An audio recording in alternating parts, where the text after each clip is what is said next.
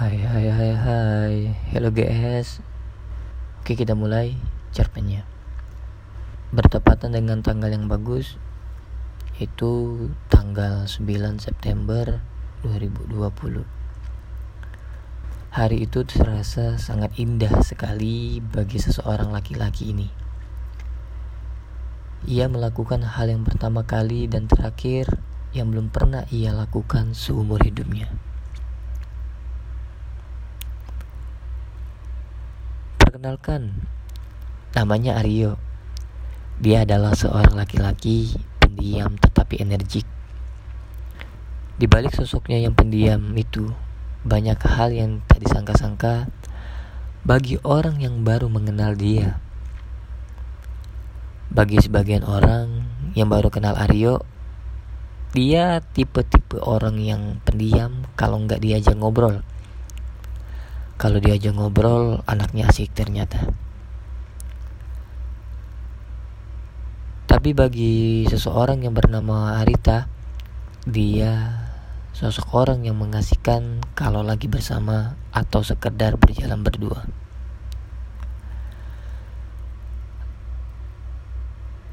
Arita adalah seseorang perempuan yang aktif dalam ngobrol dan dia ini sering ditunggu anak-anak lain kalau lagi ngobrol tepatnya di tongkrongan kalau ada dia pasti ada aja bahan omongan yang up to date anaknya juga pintar kalau soal finance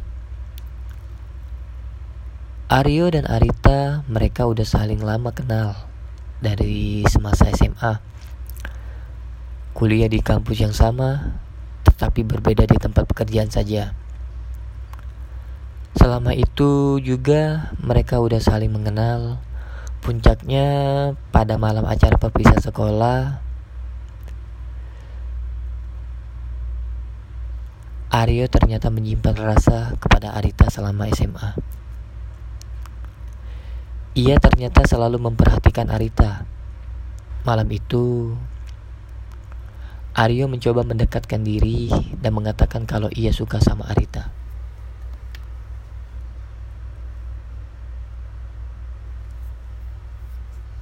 Cukup pemberani ya bagi seseorang yang pendiam.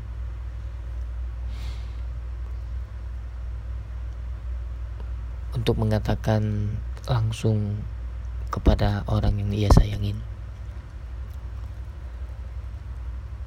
Ternyata Arita juga menyimpan rasa juga yang sama pada Aryo.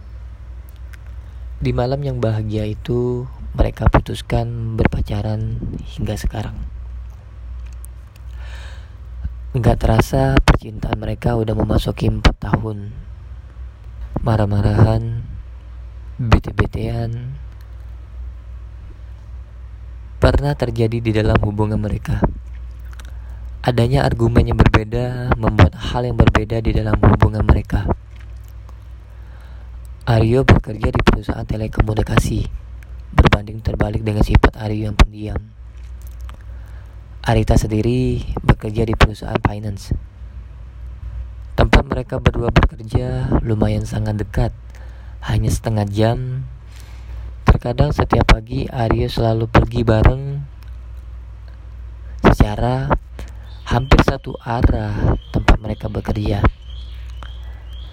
Tatkala juga mereka sering makan siang bareng dan sering terkadang memutuskan mengambil tempat atau spot makan di tengah-tengah. Jadi waktu mereka nggak habis di perjalanan. Ada satu tempat makanan yaitu warteg di pinggiran kota gitu yang menjadi tempat biasa mereka makan di sana di sana sampai yang punya warteg itu kenal dan tahu makanan kesukaan mereka berdua itu apa aja. Nasi nggak terlalu banyak bagi Rita dan es jeruk minuman favoritnya. Nasi yang begitu banyak untuk Aryo, es teh tawar favoritnya. Mereka menghabiskan waktu makan siang bersama di sana. Suatu hari, Aryo datang terlambat untuk makan siang. Sangat buruk sekali bagi Arita yang menunggu Aryo datang. Tepat di hari itu Aryo ada tugas mendadak dari bosnya karena udah deadline. Aryo tidak menggubris apa pun yang ada di dekatnya, bahkan HP-nya bergetar dengan lima panggilan tak terjawab, tiga pesan yang tak terbalas dari Arita. Ia tetap fokus terhadap pekerjaannya. Ia mengerjakannya dengan cepat karena ia tahu ia udah ditungguin sama pacarnya di warteg. Selesai dari pekerjaan Aryo buru-buru cabut bergegas ke warteg buat menemuin pacarnya. Selesai dari pekerjaan Aryo buru-buru cabut bergegas ke warteg buat menemuin pacarnya. Aryo tidak melihat jam lagi. Dia langsung aja bergegas tanpa memperdulikan pesan yang ada di HP-nya. Sesampainya Aryo di warteg, ia tidak menemukan Arita. Aryo duduk dengan napas yang terengah-engah. Lalu ia mengecek HP-nya dan ada banyak panggilan dan pesan dari Arita yang dari tadi menghubunginya. Aryo pun membalas pesan Arita yang cukup hampir lama yaitu 45 menit yang lalu. Aryo pun langsung menelpon Arita pada saat itu tapi tidak diangkat oleh Arita. Ternyata Arita pulang tempat kerjanya dengan ojek online. Biasanya Aryo yang mengantarnya selesai dari mereka makan siang. Lalu Aryo mengirim pesan, Bi, maaf ya, tadi nggak lihat HP karena fokus dengan tugas bos yang deadline. Pesan pun dikirim dengan emot sedih, tetapi pesan yang dikirim Aryo centang satu. Aryo pun hanya terdiam seolah Arita marah kepadanya. Sampai HP-nya ia matiin. Setelah kejadian itu, ia udah disuguhin sama abang wartegnya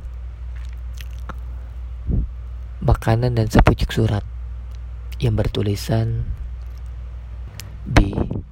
Ini aku udah pesanin makanan dan udah aku titipin juga sama abangnya. Kalau kamu datang langsung dibikinin biar makanannya nggak dingin. Karena kamu datang lama. Ini udah aku bayar. Kamu sehat-sehat ya. Semangat kerjanya. Ucap Arita di dalam kertas itu. Aryo pun tersenyum dan lahap memakan nasi yang dipesankan oleh Arita. Sesampainya Arita di kantornya, Arita sadar banyak telepon tak terjawab dan ada beberapa pesan dari Aryo. Sewaktu Arita mau membalas pesan Aryo, tiba-tiba HP Arita mati karena habis baterai. Arita bergegas mengecas HP-nya dan dan ia tinggalkan lalu fokus dengan pekerjaannya sampai ia lupa membalas pesan Aryo. Aryo yang melihat pesannya hanya dibaca saja, ia lantas membalas pesan yang belum sempat Arita balas. Kok di red doang, Bi? Tanya Aryo lewat pesan singkatnya. Selepas dari itu, sewaktu pulang, Aryo udah menunggu di depan kantor Arita. Arita yang kaget melihat Aryo ada di depan kantornya, sontak memasukkan HP ke dalam tasnya. Di waktu bersamaan, Arita mau membalas pesan Aryo dan meminta jemput dan mengabarin kalau ia udah selesai bekerja, tetapi melihat Aryo udah ada di depan ia, jadi ia memutuskan untuk tidak membalasnya. Arita bergegas memakai helm dan naik ke atas motor Aryo. Aryo bertanya, kenapa pesannya nggak dibalas? Oke, jawab Arita. Mendengar perkataan Arita, Aryo terdiam dan menjalankan motornya.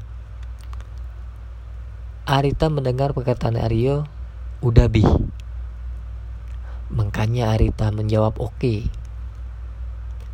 Sepanjang jalan mereka berdua hanya diam saja seolah Aryo menganggap Arita marah kepadanya. Karena pesan ia tidak dibalas dan Arita menganggap biasa aja seolah tidak terjadi masalah. Dan Arita berpikir Aryo tidak mengajaknya ngobrol seperti biasanya karena fokus membawa motor dan capek bekerja.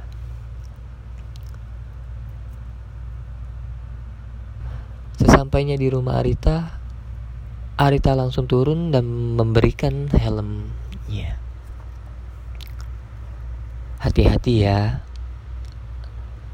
Aryo pun terdiam dan mengambil helm yang diberikan Arita dan Aryo mengatakan iya. Di pikiran Aryo sepanjang jalan pulang ia mau berbicara menanyakan hal chatnya yang tidak dibalas. Sesampainya Aryo mengurungkan niatnya itu. Malam itu memang sangat melelahkan bagi Arita. Kerjaan yang gak pernah habis sampai ia tidak bisa merilekskan tangannya. Arita langsung berjalan masuk menuju pintu rumahnya.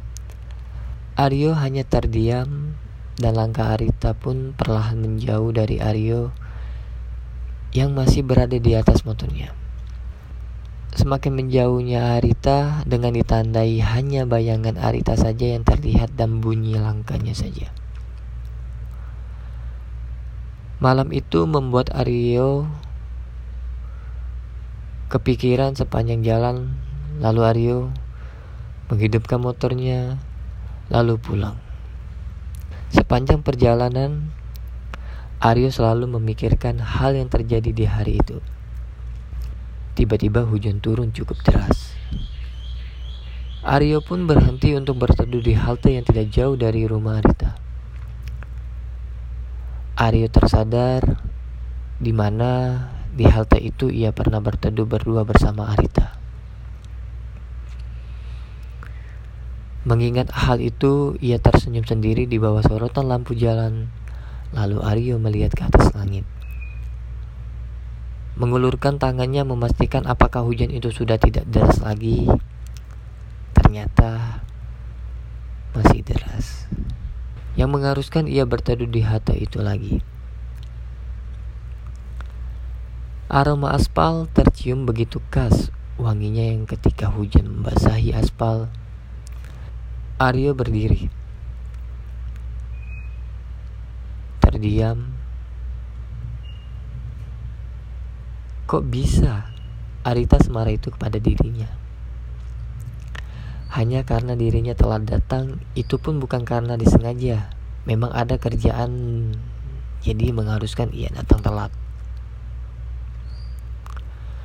Malam yang masih hujan, hati yang bercampur kesedihan dengan ratapan lurus, Aryo berjalan ke motornya dan meneruskan perjalanan pulangnya.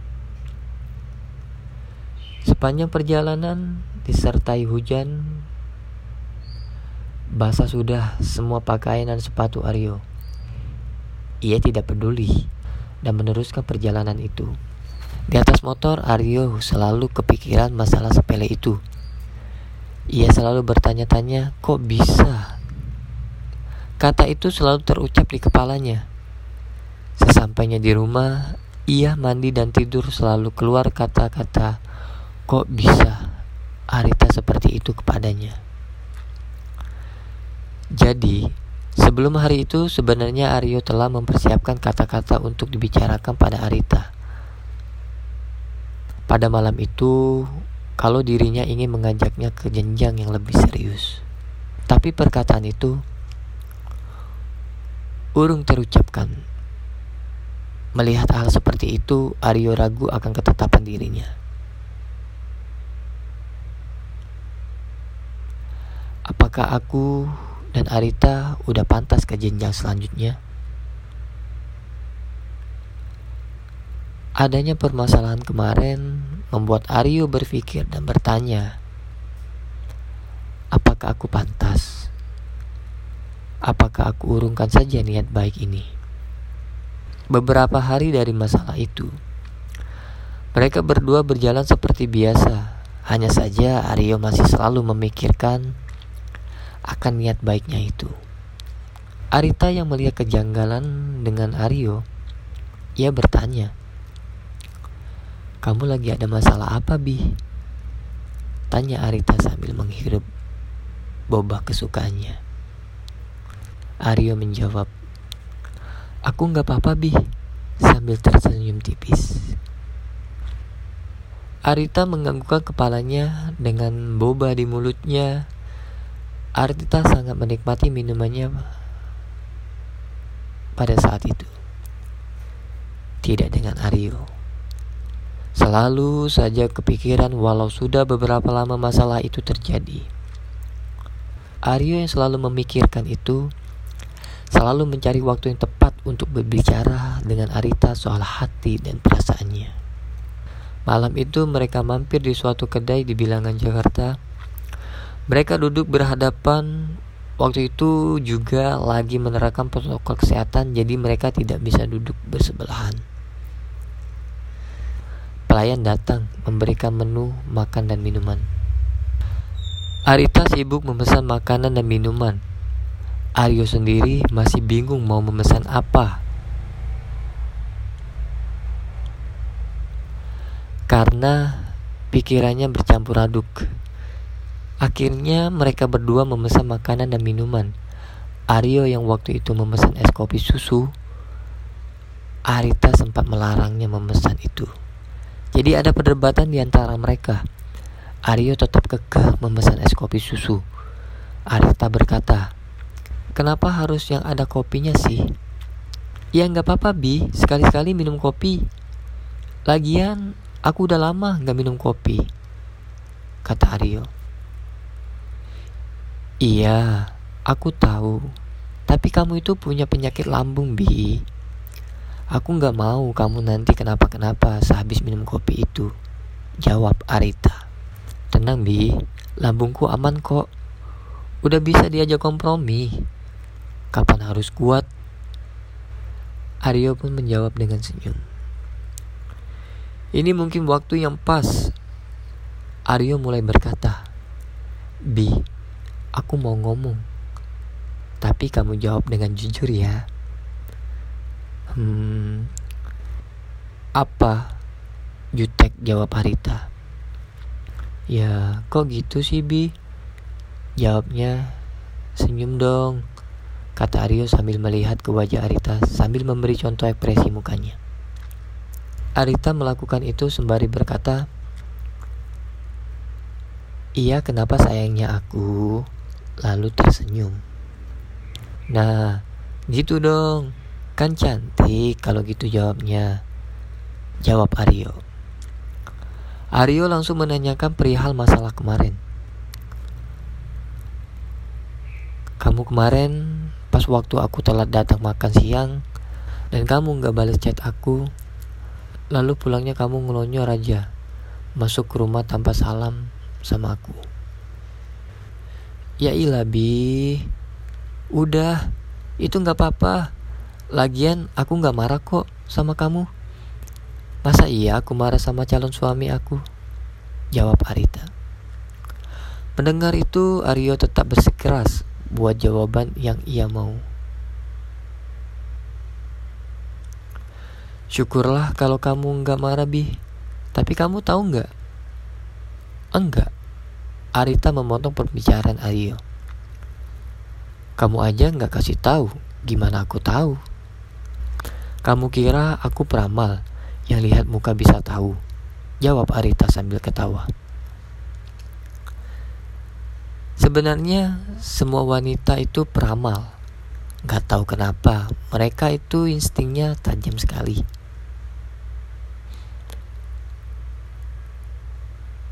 Kata Aryo, bentar dulu bi. Baru juga mau kasih tahu, udah main potong aja.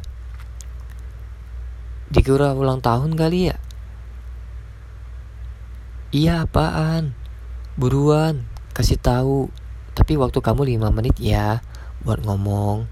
Jawab Arita dengan canda. Aryo pun tertawa mendengar perkataan itu. Hal itulah yang membuat Aryo suka sama Arita. Terkadang ngomongnya ceplas-ceplos dan mengasihkan. Aryo memberitahu kalau ia pada malam itu sedih karena Arita cuek kepadanya. Mendengar hal itu, Arita tertawa sangat lepas. Pipinya yang cabi membuat muka Arita semakin menggemaskan saat ia tertawa. Sampai pelayan yang mengantarkan makanan mereka heran melihat Arita tertawa begitu lepasnya. Bi, udah-udah, Dikontrol dong ketawanya, kata Aryo sambil menggoyangkan tangan ke tangannya Arita.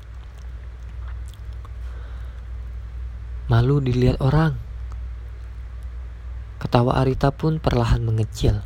Kafe itu lumayan tidak bising karena musik tidak terlalu keras dan tidak terlalu ramai karena ada pembatasan pengunjung juga jadi sangat terdengar kalau berbicara cukup keras. Pas dijemput juga begitu, mau balas kamunya udah datang jemput. Sepulang itu aku capek banget, jadi nggak fokus. Kamu ngomong apa yang ada di pikiran Arita hanya kasur, kasur, dan kasur. Aryo mendengar cerita dari sisi Arita, ia pun meminta maaf atas kesalahan Arita pun meminta maaf juga karena nggak bilang buat kasih tahu kalau ia sedang capek banget. Mereka berdua bercerita masa awal mereka PDKT. Sampai akhirnya di mana Aryo berkata, kamu mau nggak menikah dengan aku? Kita jalani semua sisa umur kita ini dengan sama. Kita jalani sisa, kita jalani semua sisa umur kita ini dengan bersama-sama. Dan melewati hal-hal suka maupun duka sampai akhir hayat. Arita mendengar hal itu sambil makan ia tersendak.